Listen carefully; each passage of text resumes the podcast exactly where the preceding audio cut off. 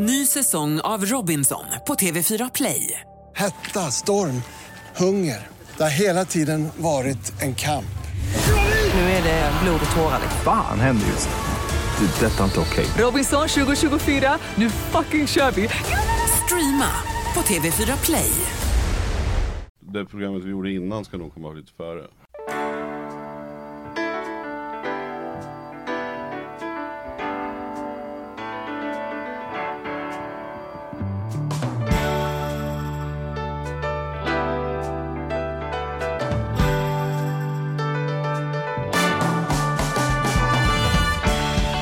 Hej och välkommen till Ekonomi på riktigt med Charlie och Mattias. Hej hej. Hej hej.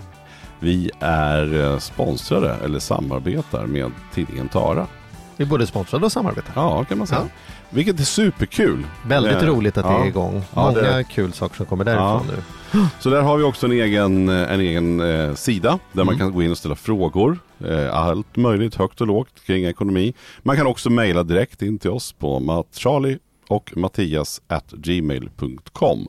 Och då kan antingen bli att vi svarar där och är det en tillräckligt komplex fråga då kan det bli att vi undrar oss ett helt poddavsnitt kan man få komma hit till. Ja, precis. Vi kommer köra lite frågor-svar. Så att, Ja. eh, gärna in med, med, med frågor. Och om, det, om ni har någon så här favoritgäst som ni skulle vilja ha med. Ja. Så kan man också ha önskemål om det. Just det är det. superkul. Har du någon får- favoritgäst Mattias som är så så här, om, om du kunde få hit vem som helst i hela världen som Aha. du skulle vilja ha? Ja, då skulle det bli någon, alltså jag är så sportnördig så Ja. det, det skulle nog bli, det skulle nog bli någon riktigt tung sportprofil. Mm. Tror jag. Mm. Men det kan jag få fundera på. Ja. Men en av dem som vi har pratat om, som vi har sagt ända sedan vi startade den här podden, och nu är vi ändå uppe på rätt många avsnitt, Mm. så har vi hela tiden, vi ritade upp den här whiteboardtavlan första gången, vad vi skulle ha för ämnen, så var ju kryptovaluta en utav dem, alltså ett utav de ämnena Ja, som vi har sagt, det här måste vi prata om. Sen tror jag att både du och jag, eller jag kan i alla fall mest tala för mig själv, eh, inte har drivit på det där för att jag inte kan någonting om det. Eh, utan jag har verkligen så här, uh, och sen har jag lite klienter som har både köpt och handlat och gjort och, och, och sen distinktionsskillnad mellan köpt och handlat är lite Ja men oklar. jag men jag förstår, ja men jag har köpt Ja, och handlat, ja, ja, ja, men verkligen, jag har ja. köpt, Mm. sålt och, och donat med det där. Ja. Eh, till, till, till både framgång och motgång tror jag. Men, men jag kan väldigt lite så därför så är det lite så här skräckblandad förtjusning och, och ha en gäst som verkligen kan den här biten idag. Men det ska bli jävligt spännande. Ja, jag också, men jag är också superpepp på det här ämnet och det som gör att jag inte, att vi inte har gjort det tidigare utan vi är nästan på 100 innan vi kommer till ämnet, det är ju därför att jag tycker att det är svårt att hitta någon, ober, någon oberoende information. Alltså det är väldigt mycket så här, jag tror på detta eller jag gillar detta eller jag är skeptisk mot detta eller jag gillar det inte. Och det är ju inte riktigt i tyckverkstan vi vill bo helst utan vi skulle ju vilja prata om lite så här, men vad är för och nackdelar och vad Mm. fan, hur funkar det, hur kan man tänka utan att det blir någon som det är lite dumt, dumt att gå till en präst och fråga så här, finns Gud? Det är Mm. klart han kommer säga ja liksom. Ja men sen, ja precis. Och sen kan jag, jag känna annars, det som ska bli roligt här nu, att jag normalt sett så tycker jag att vi har, både du och jag Charlie, ganska bra koll på det, de ämnena vi snackar om. Och, eh, Här kan lyssna någon annan åsikt men ja, vi precis. kan ju leva ja, i den jag tycker du upplever ändå att vi är Ja, jo, insatta, i, absolut. mer eller mindre. Mm. Eh, men här så återigen, kan tala för mig själv, jag är otroligt dåligt insatt. Men jag upplever också att för ganska, under ganska lång tid, alltså under flera år så är det ju många som har hört av sig till mig därför att man är lite en sån här ekonomifigur. Och då är det jättemånga som har ringt. Likt det gjordes med sådana här pyramidspelshistorier, sådana här Mm. Herbalife och allt vad de hette, så var det många som ringde till mig och sa så här Du, jag har värsta grejen, det här, det här, och det här är inte som de, de här vanliga, utan det här är någonting annat.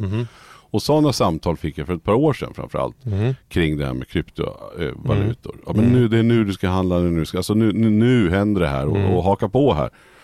Eh, så. så att, och då, då blir jag också lite skrämd när någon är sådär nästan religiöst engagerad.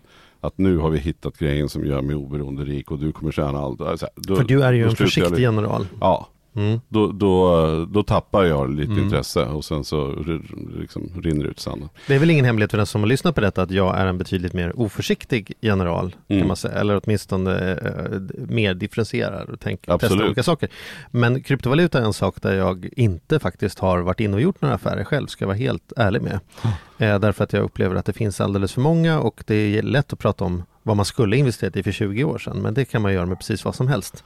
Jag är lite så IT-bubbla eh, varning för min, men det är ju en högst amatörmässig analys. Så nu ska vi göra en lite mer professionell analys. Ja, tanken. och då är nu vi ska bjuda in veckans gäst här som eh, har bra koll på de här grejerna har vi förstått. Och, och hoppas att, att eh, gästen här nu är beredd att svara på alla dumma frågor som vi kommer att ha. Ja. Eh, Eller inga, inga frågor är dumma har vi lärt oss. Men vi kommer ställa väldigt enkla frågor som kanske är väldigt eh, självklara för vissa. Men Mm. för oss andra inte. Eh, och då är det så att det kommer snart att komma en bok som heter Så kan du bli rik på bitcoin. Som är skriven av Totte Lövström och Christian Plog. Och idag så har vi då Totte Lövström med oss här.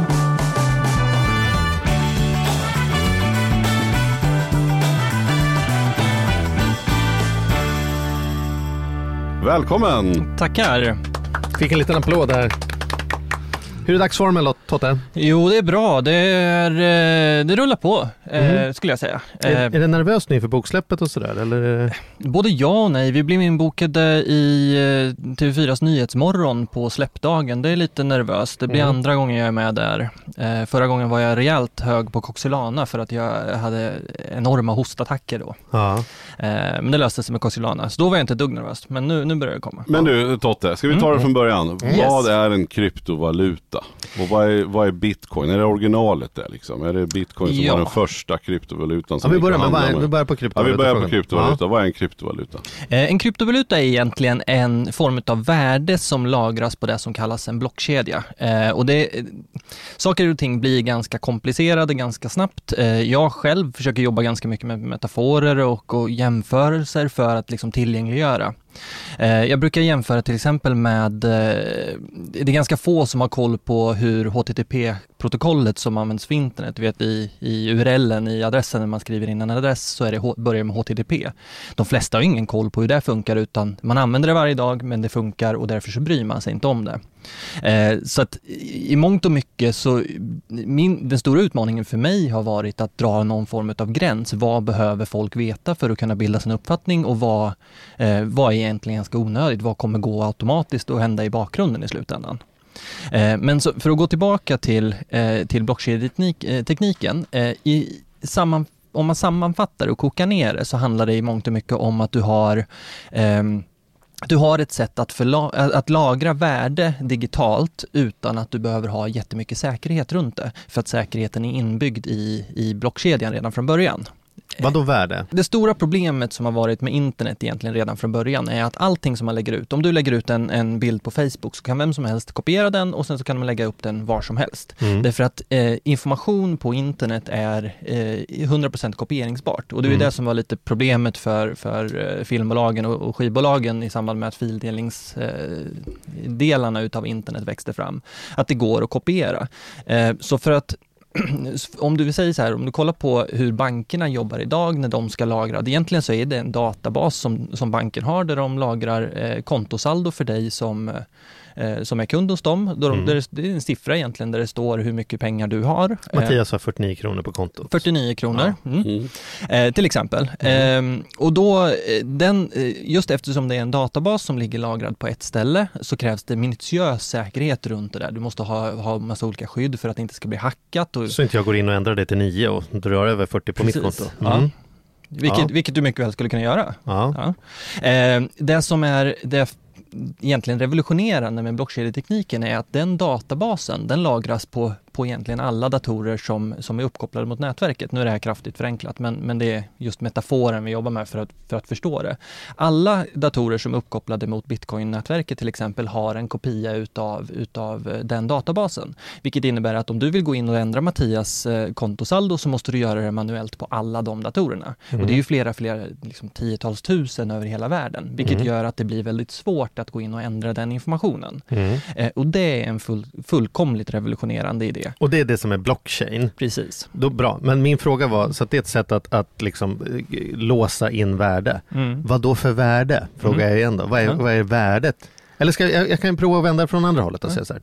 Jag tror ju inte ens på, på våra befintliga valutor. Mm. Jag är ju sån här gammal medeltidsnörd, så jag är ju tillbaks på guld. Mm. Liksom guld är värde, det, det har ett faktiskt värde, det har funkat som betalningsmedel i flera tusen år.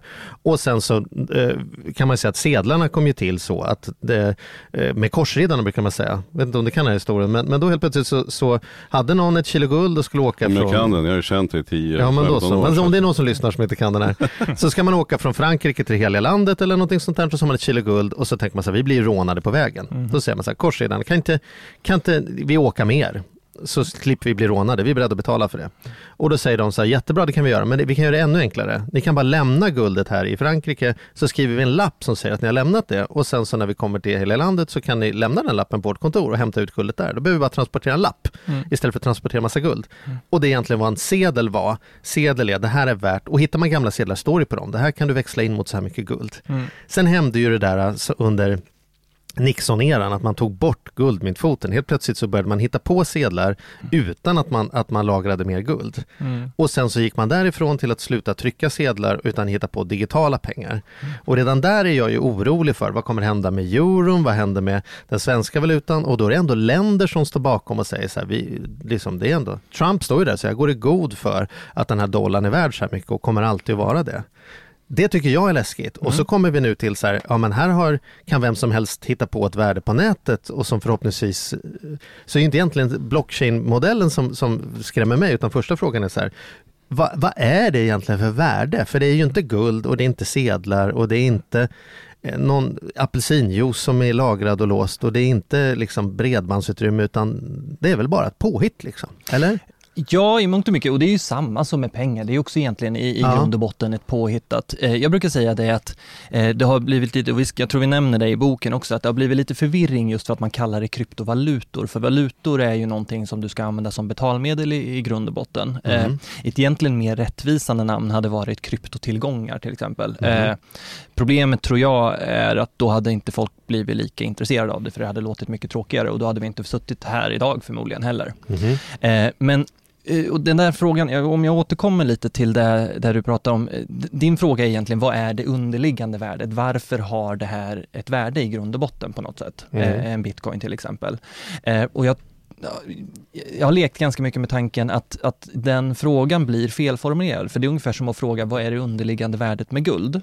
Eh, det underliggande värdet för guld är ju guldet. Sen så kan du göra en massa grejer, så att frågan borde istället vara formulerad, vad är det underliggande värdet för blockkedjetekniken? Och då är svaret bitcoin. Därför att om du har ett, eh, man hör ofta, tyvärr, eh, jag försöker råda bot på den grejen, men man hör ofta i synnerhet politiker prata om att eh, bitcoin och kryptovalutor är jag skeptisk till, men, men eh, blockchain-tekniken tycker jag är intressant.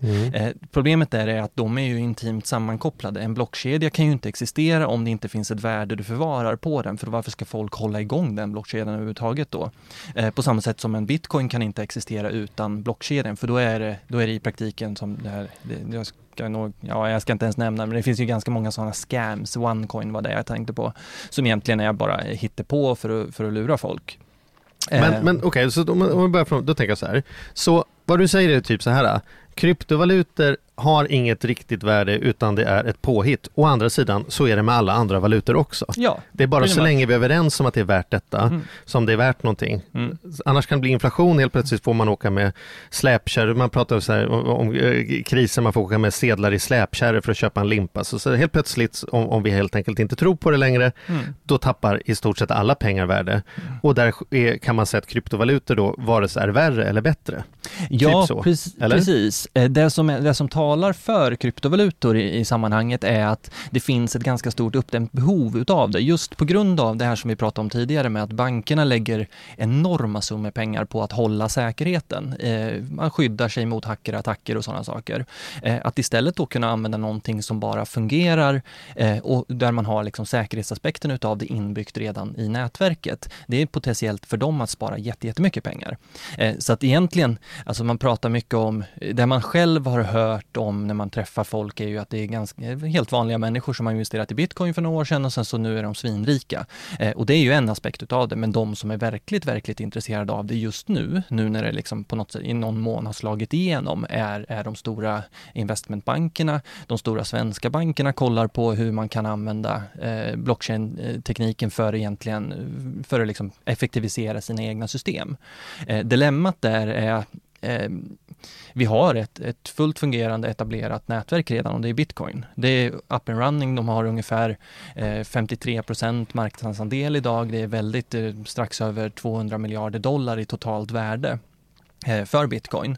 Eh, så att frågan man bör ställa sig lite är så här, om, om ni vill sätta upp en egen hemsida till exempel, kommer ni då först börja skissa på hur ni ska bygga ett internet som den hemsidan kan ligga på eller kommer ni använda det befintliga internet som alla redan använder? Och min, min tes är väl lite att, att bitcoin kommer gå, bitcoin är så etablerat idag så att det blir det nätverket som de flesta kommer att använda sig utav. Men försvinner inte eh, transaktionsavgifterna i samma ögonblick bitcoin blir tillräckligt stort, då kommer väl de andra inse så här, shit nu förlorar vi nu förlorar vi alla betalningsströmmar om vi ska ta fyra kronor varje gång, då får vi ta bort det. Då är väl, då är väl den fördelen borta över en natt? Ja. Det är väl bara en tidsfråga innan det blir gratis att skicka pengar överallt? Eh, eller? Både, både ja och nej. Alltså, det man måste komma ihåg är att anledningen till att det kostar väldigt mycket pengar är för att det krävs, eh, i synnerhet när du skickar väldigt stora, stora summor. Jag, jag är ju VD också för ett företag eh, som heter Trio eh, som försöker dra igång, planen är att dra igång eh, Sveriges första börs för handel med kryptovalutor.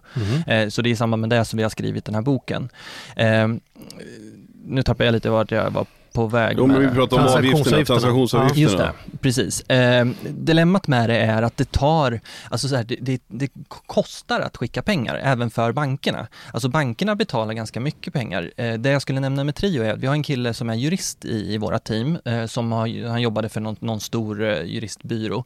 Eh, jobbade ett och ett halvt år med en transaktion.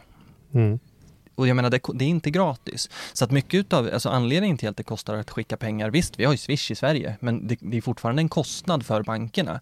Däremot så bedömer de att det är värt den servicen, det är värt för kunderna att kunna skicka pengar gratis, för annars skulle förmodligen folk dra sig för att använda Swish. Så därför har man gjort det gratis, men det kommer ju med en kostnad i något, något, någon ände utav det ändå. Eh, så att det är så här, jag tror att det är väl helt, helt rimligt att bankerna ser över att, att sänka sina transaktionsavgifter. Men jag tror att i samma vända så kommer de komma fram till att det enklaste sättet är om man använder sig av kryptovalutor för att göra transaktionen i bakgrunden. Så att man slipper den, den stora höga kostnaden som det kommer med att skicka pengar, inte fysiskt nödvändigtvis, men att skicka större summor pengar. Men, ja, vi här, ja, men bitcoin då, alltså känner jag, det är ju en sorts kryptovaluta mm. som kanske var den första eller mm. den som har lyckats bäst eller kan man säga så? Ja, som precis. är störst idag. Den första också. Ja, och hur stort kapital eh, finns det i bitcoin? Ungefär 200 miljarder dollar som det ser ut nu eh, mm. är det totala market capen som man kallar det eh, för bitcoin. Eh, och det står för ungefär 53 procent av totala värdet på alla kryptovalutor. Hur mycket är 200 miljarder dollar i jämförelse med något annat? Hur många kronor finns det till exempel? Eh, ja, Taskig var, fråga att slänga ja, på dig rakt ja, verkligen. Men, jag är men gravt ointresserad av vanliga pengar. Nej men sätta det i någon sån här relation till hur mycket, hur mycket det är. Eh, liksom. nej men det är ganska försvinnande liten andel fortfarande utav liksom om man kollar globala världsekonomin och det är också så som många som, som sätter sig ner och försöker räkna på vad, en, vad är egentliga värdet för en bitcoin. Eh, då, då spekulerar man i att en bit, alltså, kryptovalutor kommer stå för si och så stor andel i procent utav den totala, eh, to totala värdet av, av liksom tillgångar i världen. Eh, man brukar höfta liksom om fem år. Man ska inte glömma att bitcoin har funnits i nio år. Eh, inledningsvis här så nämnde vi liksom att man skulle ju ha investerat för 20 år sedan och det är så här, mm. bitcoin fanns inte då. Det fanns inga andra kryptovalutor då heller. Mm. Så det här är väldigt ny teknik fortfarande. Men om din, eh, om, om din gamla faster hör av sig mm. och säger att jag fick precis, jag vann på Triss eller jag fick 100 000 kronor mm. över. Eh, och så frågar de dig, vad tycker, vad tycker du att jag ska göra med de här pengarna? Mm. Vad är ditt 100% svar då? in i bitcoin? Nej, nej inte så. Jag är väl ganska eh, modest när det kommer till sånt där och följer, och det är det vi rekommenderar i boken också.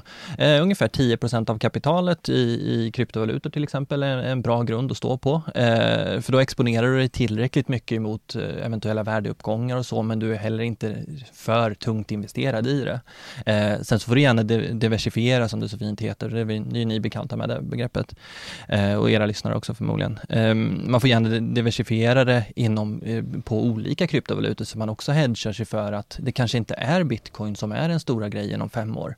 Eh, bara den grejen att det inte finns någon, någon officiell utfärdare. Eh, den som grundade bitcoin var, en, var en, en, en kille på internet, eller vi vet, vi vet inte ens om det var en kille, det är en helt anonym person som kallar sig Satoshi Nakamoto. Som, skrev i, som, som skrev i ett forum och, för kryptointresserade egentligen och presenterade det här som en färdig kod. Eh, då, har det, då har ju spekulerats i oändlighet kring, eh, kring vem det är som verkligen ligger bakom det, men man vet fortfarande inte. Eh, Och vad händer då krasst om jag nu, om din faster här nu Mm, bestämmer kommer- sig för. Alltså nu, jag- okej jag, jag går på ditt råd, jag har 100 000 men jag tar 10 000. Mm. Och nu vill jag köpa bitcoins för, för, för 10 000 kronor. Mm. Hur gör jag då? Eh, det är det vi går igenom i boken, men Ja, jag förstår men du får ta Det- snabbkursen här nu så får Ja. man de som vill, de som vill För det kan eh, jag inte göra på mitt Avanza-konto liksom. Ja, du kan göra det. Avanza har ett certifikat som, och det finns hos Nordnet också, eh, ett certifikat som är exponerat mot bitcoinkursen. Så att när, när bitcoin går upp så går certifikatet upp i värde, fast det följer eh, utvecklingen artificiellt. Men jag har en traditionell bank eller din Mm. faster har det då Jag tror att det är Nasdaq, så att jag tror att även Swedbank och alla de andra bankerna så kan du köpa XBT Provider heter det certifikatet. Så om jag går in Till eller den min så här, utfärdaren. Sparbanken, Sparbanken i Bräkne-Hoby, Ja. Ja. då kan jag säga så här, jag skulle vilja lägga 10 000 på bitcoin tack. Och då säger de, ja det är bra, går vi den här vägen. Ja, eh, om du inte blir utslängd. Banker har en liten eh, historik av att inte vara så positiva till kryptovalutor överlag. Eh, Men hur ska jag göra? Vad är enklast? Låt säga att jag Ja. vill, jag vill, jag vill idag här, när, Mm. när du har gått, vi tackar, då ska Charlie och jag ta en lunch Mm. och sen så efter det så är jag faktiskt sugen nu. Jag ska lägga in 10 000 säger vi. Mm. Hur gör jag då? Eh, ja, eh, det första jag skulle säga, rekommendera är att avvakta till någon gång strax efter årsskiftet när vi har lanserat våran börs. Eh, för att hela våran grund, vårt grundkoncept är att vi ska sänka trösklarna så mycket som möjligt så att det ska vara så smidigt och enkelt som möjligt. Men nu snackar du lite egen sak. Ja, ja, Men- precis. Men, jag vi ska vill, ta men Mattias nu. vill gå in idag. Mm. Han vill Ja. gå in idag, nu, nu. Ja, då finns det, vi har tre stycken svenska aktörer. Eh, det är btcx.se eh, som är en, en svensk bitcoinväxlare egentligen. De är inte Mm. en renodlad börs men du kan köpa bitcoin och ethereum av dem. Eh, sen så har du också Seifello eh, som, eh, som gör egentligen samma sak och sen så har du ett, ett företag som är eh, ganska ungt men som håller på att ta sig in på marknaden som heter BTC Swe. Alltså SWE Mm. eh, .se. Och de tre aktörerna, de säljer kryptovalutor till sina kunder så att säga. Eh, dilemmat, baksidan med det är att det är ganska höga avgifter, för det har inte varit speciellt mycket konkurrens på den marknaden så som det har sett ut hittills. Men det, det är ett bra sätt liksom, om man vill ha, om man vill köpa bitcoin eller ethereum nu, nu, nu. Och när man då går in och köper och sen köper jag för 10 000. Vad, vad får jag tillbaks? Vad, vad får jag för, för handling som styrker att jag äger de här bitcoin? Eh, du får, det du måste göra till att börja med, och det är, här, det är exakt det här som Trio springer ur, att, vi, att det är för komplicerat. Det är på tok för komplicerat. För att det du, kan göra, det du måste göra då är att du installerar en, en så kallad wallet, alltså en plånbok, eh, antingen på din mobil eller på din dator. Eh, och när, i, i samband med att du genomför köpet så skriver du in adressen till din plånbok. Eh, och då skickar BTCX till exempel, eller Safefellow, så skickar de eh, dina bitcoins dit till plånboken och sen så har du dem eh, på plånboken. Eh, så att det är egentligen så du gör. Så att det är, Sen kan jag se i min plånbok då. Kommer jag se då också hur, beroende på hur kursen går? Kommer det att bli mindre och mer pengar i min plånbok? nej, utan det visas, om du äger en bitcoin så är ju, och även om den som det är just nu är värd 6300 dollar, om, om den går ner till eh, 4000 dollar så är det ju fortfarande en bitcoin du har. Ja, just det. Jag fattar. Och kan man köpa en halv bitcoin? Ja, ja, gud ja. Det är delbart med, eh, alltså du kan köpa så lite som en hundra miljon del utav en, utav en bitcoin. Okej. Eh, så det är uppdelningsbart egentligen på samma sätt som, som kronor och ören. Hur många bitcoin har du i plånboken? Eh, det, sånt där ska man inte svara. Folk blir bortrövade mest hela tiden för att de berättar hur mycket de har. Ja, men det har gått bra för dig. Alltså du, du Ja. var inne tidigt kan man säga. Ja, precis. Samtidigt så är inte, var jag inte inne så tidigt som jag önskade att jag hade varit. Jag, jag satte mig in ordentligt i det 2014 men kände själv liksom att om jag ska installera en, en plånbok på min mobil eller på, på datorn så kommer det är bara en tidsfråga när jag slarvar bort den nyckeln, liksom, det här lösenordet. Eh, så att de pengarna, även om jag tror att det var, eller kände redan då att det här kan vara en bra investering, så litade jag inte på mig själv. Eh, man är ju van, man, ska inte glömma, om man, om man liksom fuckar upp totalt med, tappar bort sitt lösenord i banken eller sin bankdosa, då det finns någonstans du kan ringa och sen får du tillbaka det. Och det saknas helt och hållet för kryptovalutor, för det är ju byggt så att det är ett liksom självkörande nätverk i grunden. Okej. Hur är det med skatt skatt och, och försäkringar och såna här saker. Ja, man har ju någon, det finns en fördom att det här, eller kanske inte fördom, kanske är så att det här liksom är en av poängerna är att det flyger under radarn. Mm. Ja, det, både ja och nej. Alltså, om vi börjar med det flyger under radarn. Det finns en sån seglivad myt, om, mycket från kvällstidningarna tror jag har uppstått, eh, om att kryptovalutor skulle vara helt anonymt. Och det finns sådana kryptovalutor som är helt anonyma. Eh, Monero är ett exempel, Dash är ett annat exempel. Eh, däremot kollar du på bitcoin så är det en helt eh, ett helt öppet system där man kan gå in och kolla. Så länge du har liksom plånboken till, till eh, om jag har adressen till din plånbok så kan jag gå in och kolla alla transaktioner som har gjorts till och från den plånboken. Men vem har adressen till min plånbok? Eh, ja, det, det, är ju förutsatt att du har adressen. Ett, ett bra exempel är eh, Nordiska motståndsrörelsen fick sina bankkonton nedstängda för ungefär ett år sedan och då öppnade de upp en, en bitcoin-plånbok och uppmanade sina sympatisörer att de skulle, man skulle skicka pengar dit, mm -hmm. skicka bitcoin dit. Eh, vilket också öppnade upp för oss. Eh, vi har vid sidan om börsverksamheten så har vi en, en nyhetssajt som heter Trio News eh, som skriver och då gjorde vi en mindre granskning på och kollade så här, hur mycket har egentligen Nordiska motståndsrörelsen fått in på att, eh, på att eh, ta emot donationer i bitcoin. För att allting finns där klart och tydligt. Men hur fick ni, hur har ni tillgång till att gå in på Nordiska motståndsrörelsens konto?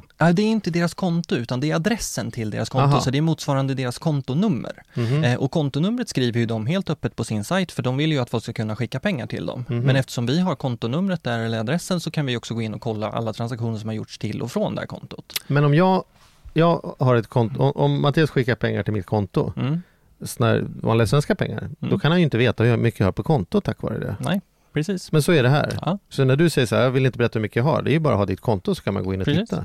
Mm. Och då deklarerar du det varje år då eller? Yes, precis. Nu är jag i rollen som VD så försöker jag verkligen, jag har, äger faktiskt inte bitcoin eller några andra kryptovalutor personligen, alltså Privat, direkt utan, så. Nej, du äger dem i bolaget? Nej, inte, inte det heller. Jag köper just det här certifikatet som finns hos Avanza, mm, för där kan mm. du ha det i ett ISK-konto och så, så sköts liksom den biten utav det, rapportering till Skattemyndigheten helt automatiskt. Mm. Eh, och så behöver jag bara godkänna det, för det är ganska krångligt och rörigt. Vi har ett helt kapitel i, i boken också som handlar om hur du deklarerar på korrekt sätt. Men är inte det här en av de sakerna som man skulle kunna vara orolig för från någon typ av så här etablissemanget mm. här att det är risk för att det är svarta pengar och eh, det är, är, kanske till och med olagliga pengar och att det blir att man håller på och handlar under bordet istället för att bidra till skola, vård och omsorg och allt mm. vad det är.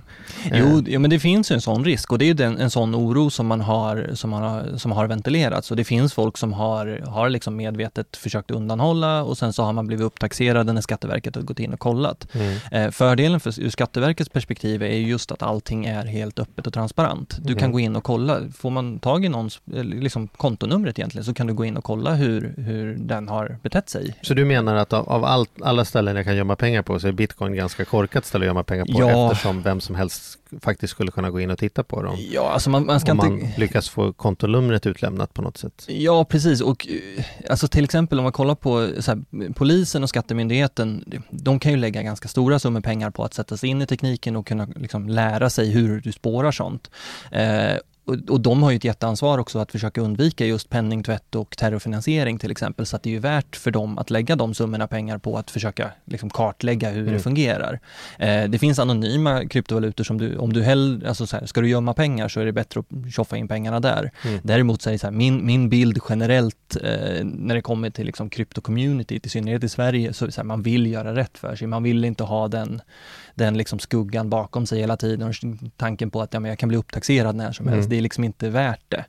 Eh. Men då undrar jag ju så här, nu, nu är ju det här ett nytt, jag menar, det är en ny, ny sorts valuta vi har, men snart är den ju inte så ny längre.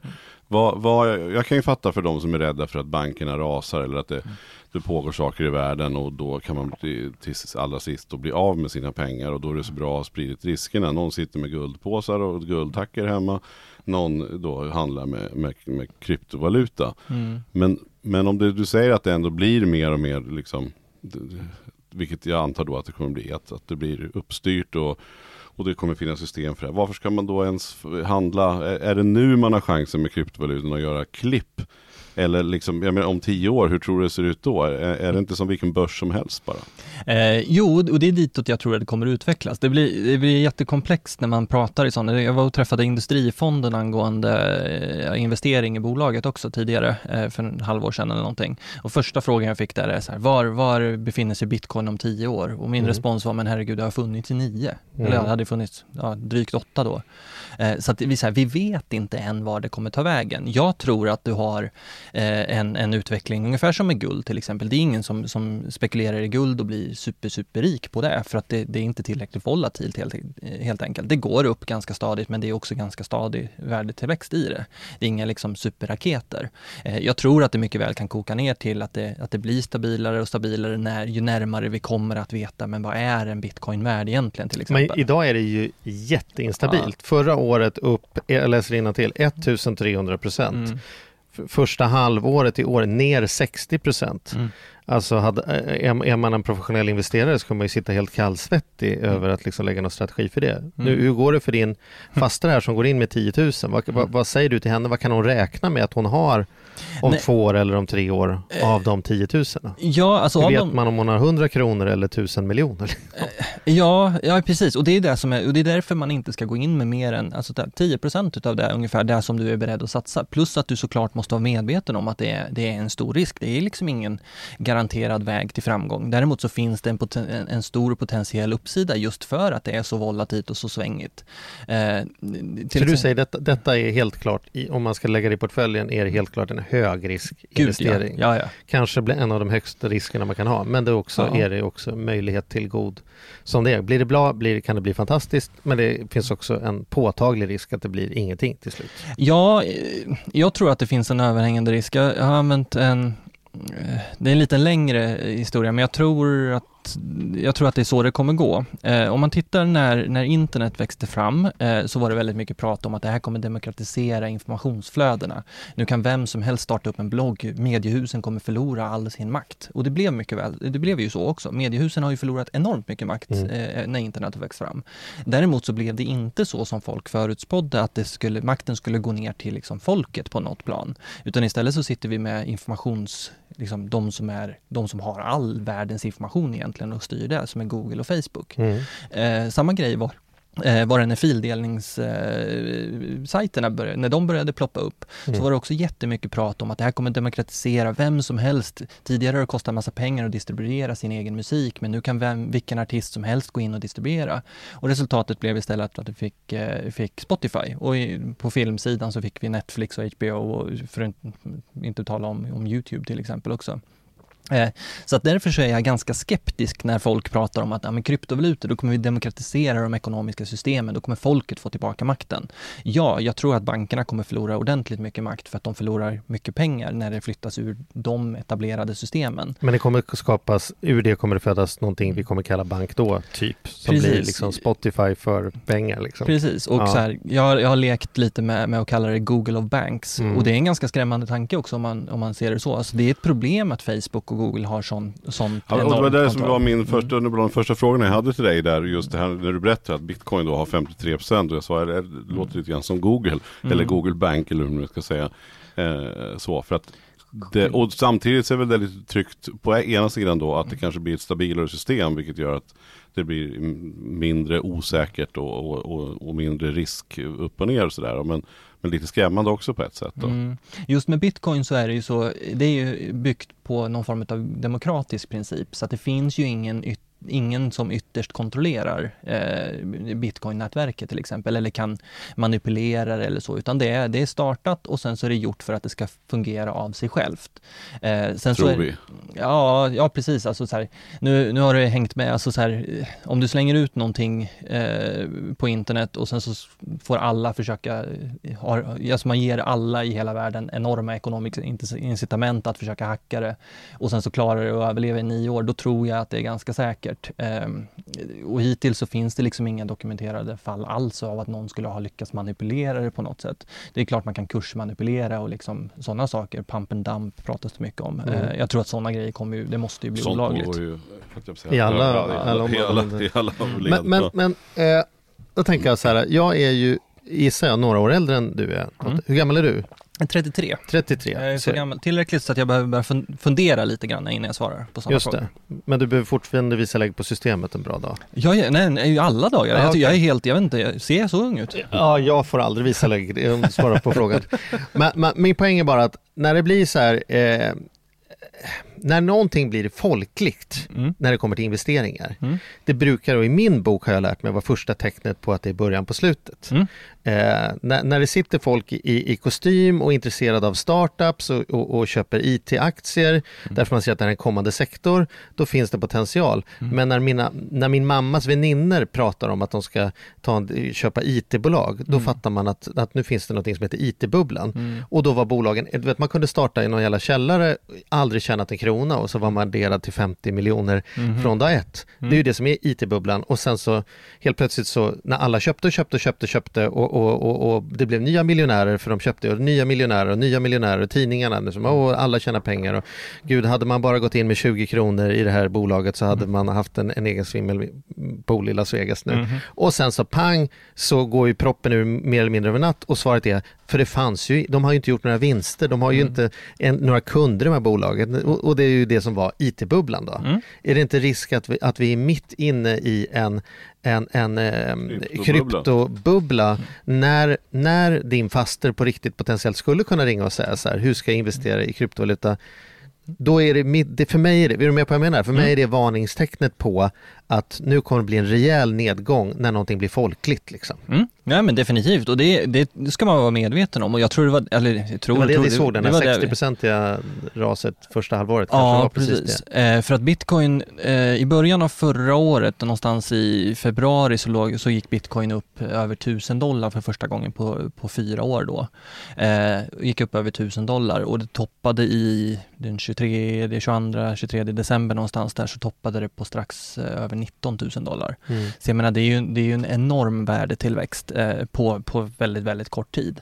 Eh, så det är klart att alltså, så här, det var en bubbla och det, alltså, så här, det såg ju jag när vi var i det också. Alltså, det här är inte hälsosamt. Du kan inte förvänta dig att, att göra liksom, en avkastning på på närmare 100% i veckan, liksom flera veckor i rad. Det, det är inte så saker funkar. Det är Mm. gratis pengar och det existerar liksom inte. Mm. Eh, och sen är det klart att det kom en backlash på det efteråt. Eh, jag tror att i mångt och mycket anledningen till att det gick upp så mycket då var för att här, bitcoin har liksom smugits in. Jag, jag läste på ordentligt som sagt 2014 eh, och, då, och det var i samband med att tidningarna började skriva lite om det, att det hade varit, för att 2014 så var det också en, en sån rusning i bitcoinpriset, eh, vilket gjorde att tidningarna skrev om det här nya grejen. Så att folk var, var, man var inte, inte bekanta med det, men man hade det liksom någonstans i bakhuvudet. Det var så här, man vet att bitcoin finns, eller man visste att det fanns eh, under förra året. Mm. Och sen så när media börjar skriva ännu mer om det, så, och så här, berätt, i synnerhet när det blir sådana artiklar om folk som har tjänat massa, massa pengar, Mm så det är klart att fler och fler hoppar på det här tåget. Eh, och och i, något, i någon mån så blir det helt ohållbart till slut, för då kommer det liksom, när, när folk börjar sälja av, när man känner att så här, men herregud, nu har jag, jag, jag har gått in med, med säg 10 000 och nu jag plötsligt sitter jag med 300 000 på mitt konto. Så här, folk börjar sälja av i något skede, för man känner själv att det här, nu, nu är det för, för hett. Så. Mm. Eh, det som är intressant, det vi ser och har sett egentligen under, under senaste, ja sen årsskiftet ungefär, är att de som köper in sig är just de institutionella investerarna, de stora, tunga investerarna som går in. Eh, så medan, medan liksom vanligt folk säljer Vilka av. då till exempel? Vilka? Eh, Alltså det är många, alltså alla, alla investmentbolagen är superintresserade av kryptovalutor och så här, jag, jag har ju inte insyn i, för de berätt, jag, även om jag är ute och pratar mycket med dem så berättar ju inte de exakt hur mycket de sitter på. Nej, precis. Men, då, Men- men... då gissar vi väl ändå att de här så att säga, professionella investeringsbolagen, de är ju där på marginalen. De tar någon procent av, det, av portföljen och lägger det. Det kan de både ha och mista. Det kommer inte synas på årsresultatet knappt. Och blir det bra så att det blir 1600 procent, då, då blir det fantastiskt. Ah. Men, men, men för den som då lägger sina 10 eller 15 procent så är ju det egentligen hela den potentiella vinsten per år. Då. Så det är Ja, ju lite, precis. det är ju det är där. Ja, nej, men bra. Men det det, funkar så, så liksom systemet så pass idag så att du kan liksom öppna det här kontot eh, om en lite meck Mm. men skaffa en plånbok till datorn eller till mobilen, Mm. handla och du kan också sälja och kulorna ramlar ut. Mm. Precis. Det- Eh, och det finns, alltså det är samma med, med de här tre växlarna som jag, växlingstjänsterna som jag nämnde, så kan du skicka till dem också. Så tar de såklart en liten avgift i form av en spread, eh, men du får kronor in på ditt konto. Mm. Eh, det som är lite så här, apropå, vi var inne på penningtvätt och sådana grejer, terrorfinansiering. Det man lätt glömmer i de sammanhangen är att bara för att du har bitcoin till exempel, om du har bitcoin, om vi säger att det är svarta pengar, det är ganska svårt och komplicerat att få in det liksom i någon form av det etablerade finansiella systemet. Därför att det finns, alltså bankerna tar inte emot pengar hur som helst ifrån liksom Caymanöarna och, och växlingstjänster som finns där, utan du måste i princip gå via, via liksom de svenska etablerade företagen som lyder under insyn av Finansinspektionen. Så att jag menar, det systemet, vi, vi har ju byggt upp eh, lagstiftarna, även om lagstiftarna i mångt och mycket är ganska ointresserade och okunniga idag så är inte Finansinspektionen och Finanspolisen är definitivt inte okunniga, utan de har stenkoll på vad det här handlar om. Eh, och se till så att man inte ska kunna använda det som liksom en, någon form av fri väg in i, i, i liksom det här systemet, det etablerade, rena, vita systemet. Så. Om det inte var krångligt nog så ska jag komma med ett nytt begrepp nu då. Mm. Jag har ju vänner som mer eller mindre lever på eh, kryptovaluta mining. Mm. Att man bryter kryptovaluta. Nu tittar du trött på mig. Men det måste du ha hört också. Ja, det har jag. Ja, ja, vad, vad gör du? Nej, jag gör ingenting längre. Jag minar bitcoin. Jag sitter Ja. här på franska rivieran och minar bitcoin. Mm. Berätta, vad är mining då? Hur, Mm. hur passar det in i allt detta? Jo, det är så att eh, om, man, om man förenklar hela eh, processen, som jag nämnde tidigare med att allting lagras i data, på ba- databaser som finns på alla, på alla användare som är uppkopplade, hos alla användare som är uppkopplade mot nätverket. Det är en kraftig förenkling. Egentligen så finns det primärt hos alla som är miners. Eh, det minersarna gör är att de eh, lånar ut processorkraft i sin dator eh, för att, eh, för att bekräfta transaktioner och sköta liksom den biten utav av systemet. Man, man bekräftar att, att eh, du vill skicka en bitcoin till mig, så måste ju det i något skede liksom bekräftas. Eh, och den grejen gör att, eh, och sen så som en liten betalning för att de är med och be- bekräftar den transaktionen så får de också en liten belöning i form av bitcoin eller någon annan kryptovaluta. Så det är egentligen det som minerserna gör. Och det görs automatiskt, det är inte som att de sitter på dagarna där och skickar bekräftelsemail utan Nej, man, man har någon en... liten dator där som, eller Ja. någon eh, robot som gör det där. Liksom. Ja, alltså du, du har, eh, det finns flera olika tillverkare som bygger liksom, grafikkort, är det som Mm. brukar användas, eh, som Mm. bygger grafikkort specialbyggda för att kunna eh, alltså, processa så mycket data som möjligt för att du ska kunna, alltså som är specialbyggda för att mina bitcoin till exempel eller ethereum så. Eh, så det är en helt egen industri. Det är, det är ett sånt tips, vill man inte exponera sig mot, eh, mot kryptovalutor direkt så kan man exponera sig mot de som tillverkar grafikkort för att hålla, hålla kryptovalutanätverken levande. Mm. Eh, de, de har också mm, sett ungefär samma utveckling som kryptovaluta eh, Just det, själva. tror man liksom. på vindkraft behöver man inte köpa ett vindkraftverk. Man kan investera i aktier I till de som servar vindkraftverk eller något. Typ Ja. så. Ja.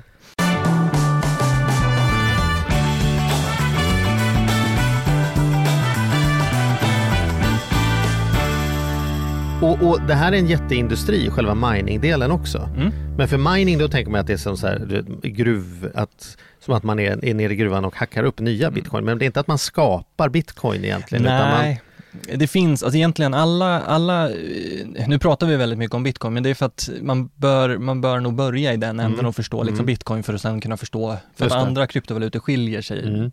slightly liksom Mm. ifrån. Eh, men tittar du på eh, alla, just bitcoin-nätverket så skapades egentligen alla bitcoins som någonsin kommer existeras, eh, existera, kom, skapades i samband med att man skapade bitcoin-nätverket, bi- skapade bitcoins blockkedja. Mm. Och det, det är 21 miljoner bitcoins. Mm. Däremot så portioneras de ut med, med jämnt intervall eh, som halveras efter, efter, eh, med jämna mellanrum dessutom hur mycket som betalas ut i, i ersättning. Så att idag så finns det ungefär eh, 18 miljoner utav de 21, totalt 21 miljoner, men vi kommer inte nå slutet. Den sista bitcoinen kommer inte vara minad förrän någonstans runt eh, år 2040. Mm. Eh, just för att det är en halveringstid på det så. Mm. Eh, däremot, och sen så med det sagt också så här, eh, Monero, den här anonyma kryptovalutan till exempel, det är i mångt och mycket, hör du folk som sitter och minar idag så är det oftast den kryptovalutan som minas. Eh, Mm. Bitcoin har blivit, du behöver så mycket datorkraft och, och det blir ju en investering du gör. Du måste köpa Mm. processorkraft för att kunna, för att kunna mina bitcoin och då måste du köpa så kraftfulla grejer så det blir svårt att få liksom, kunna mina med en vinst i slutändan. Just det. Eh, I mångt och mycket så handlar det om eh, jag brukar förenkla det och säga att eh, här, det är väldigt kraftfulla datorer som tävlar om att, att lösa svåra matematiska ekvationer och den datorn som, som lyckas lösa den svåra matematiska ekvationen först, den vinner, eh, vinner att få bekräfta en transaktion och därigenom få en liten bit eh, utav bitcoin, en liten en andel bitcoin som, som tack för besväret. Så att Mm. säga. Eh, så att om du har, om, om, ni, eh, om ni skulle använda liksom er vanliga hemdator för att mina bitcoin så kommer ni aldrig, aldrig någonsin vara först med att, att eh, lösa den här matematiska ekvationen. Eh, för du behöver en sån enormt stark dator för att kunna ha en chans där. Så att din hemmadator skulle aldrig, aldrig liksom tjäna Den här någonting. som jag har här på bordet, min bärbara här, den, Ja. den räcker inte. Nej, tyvärr. Men det är en Mm. Mac de, nej. nej. Hörru, Men- ta- men- ska vi, ja, vi på- ska ska avrunda. avslut? Ska du eller jag? Nej men eh, vi kan väl få varsin avrundningsfråga. Nej men du kan väl ställa Ja, någon sån där tre tips för att Ja men jag tänker nu för att vi vill ju, så här, det är jättesvårt och det här med mining mot slutet, det tappar du mig lite. Alltså, ja, men det är jag det. hör vad du säger och jag, jag, jag fattar lite. Mm. Eh, Men lite- tror- man, man kanske inte behöver vara där. Nu, tänker jag så här, om man bara man vill känna sig lite med i matchen, man tycker det är lite kul med pengar. Man har så att man, man, kan, man kan avvara lite pengar. Mm. Och man skulle då kunna gå på ditt råd med 10% om. Eh, så enklaste då, så här, vad, vad, har du några så här, tre tips? Så här, vad ska du göra då om du är nu lite sugen? Vad, vad, vad är stegen? Eh, Det första steget är att se till att, att installera en plånbok som du känner att du kan lita på. Eh, De som jag nämnde, BTCX, de har en egen mobilwallet som så långt som jag kan bedöma så är det säk- en säker lösning. Liksom. Mm. Problemet är att förlorar du din mobil så är, är också plånboken borta. Mm. Eh, Du kan, det finns också varianter, vi går igenom alla, alla olika typer utav wallets i boken, men du, här, du kan ha en paper wallet som egentligen är en, en du har alla, alla koder som, och lösenord som du behöver utskrivet på en lapp och sen så förvaras det bara där. Då kan du lägga det i bankfack om du vill det, eh, Mm. så, för att säkra att det inte försvinner.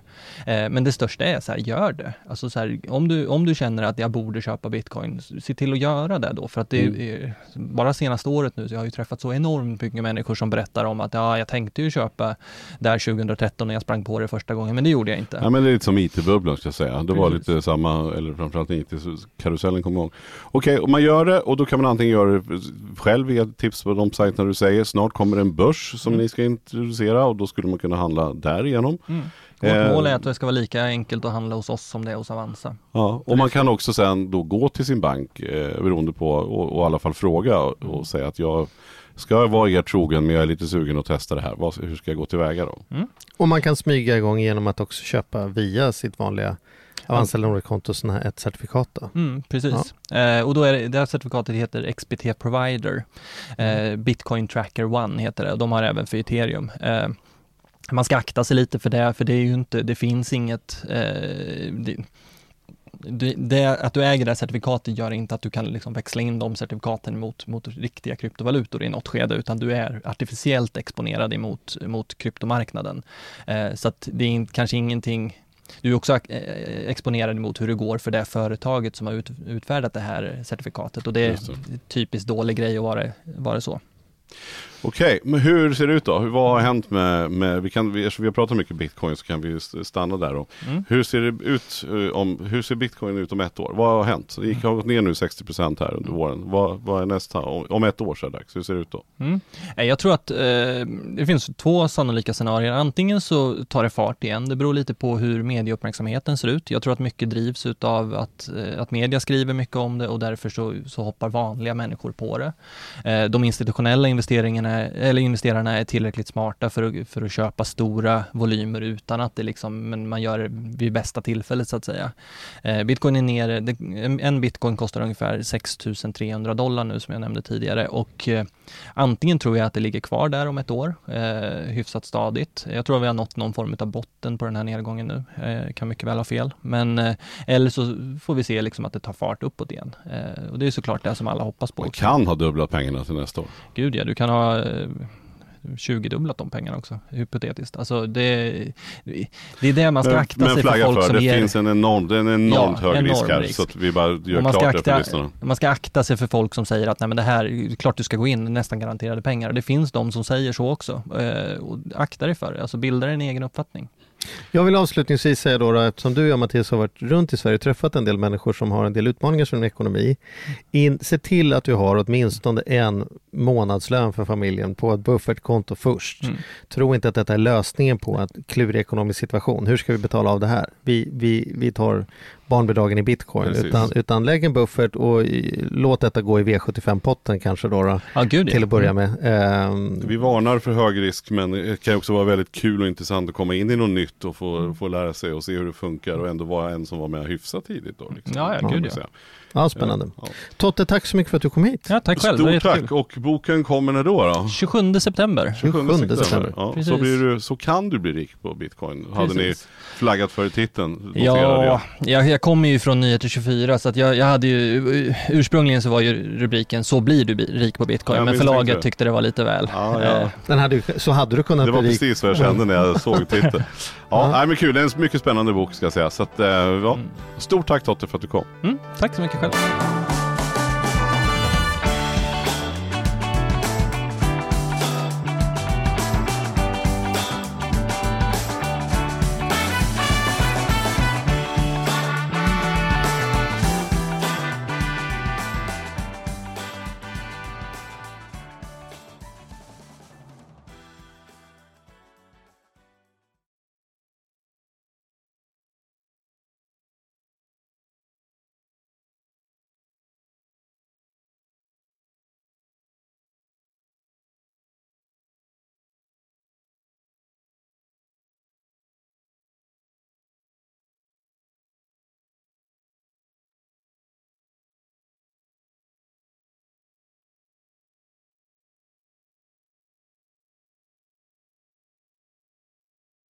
Ny säsong av Robinson på TV4 Play. Hetta, storm, hunger. Det har hela tiden varit en kamp. Nu är det blod och tårar. liksom. Fan händer just nu. Det. är Detta är inte okej. Robinson 2024, nu fucking kör vi! Streama på TV4 Play.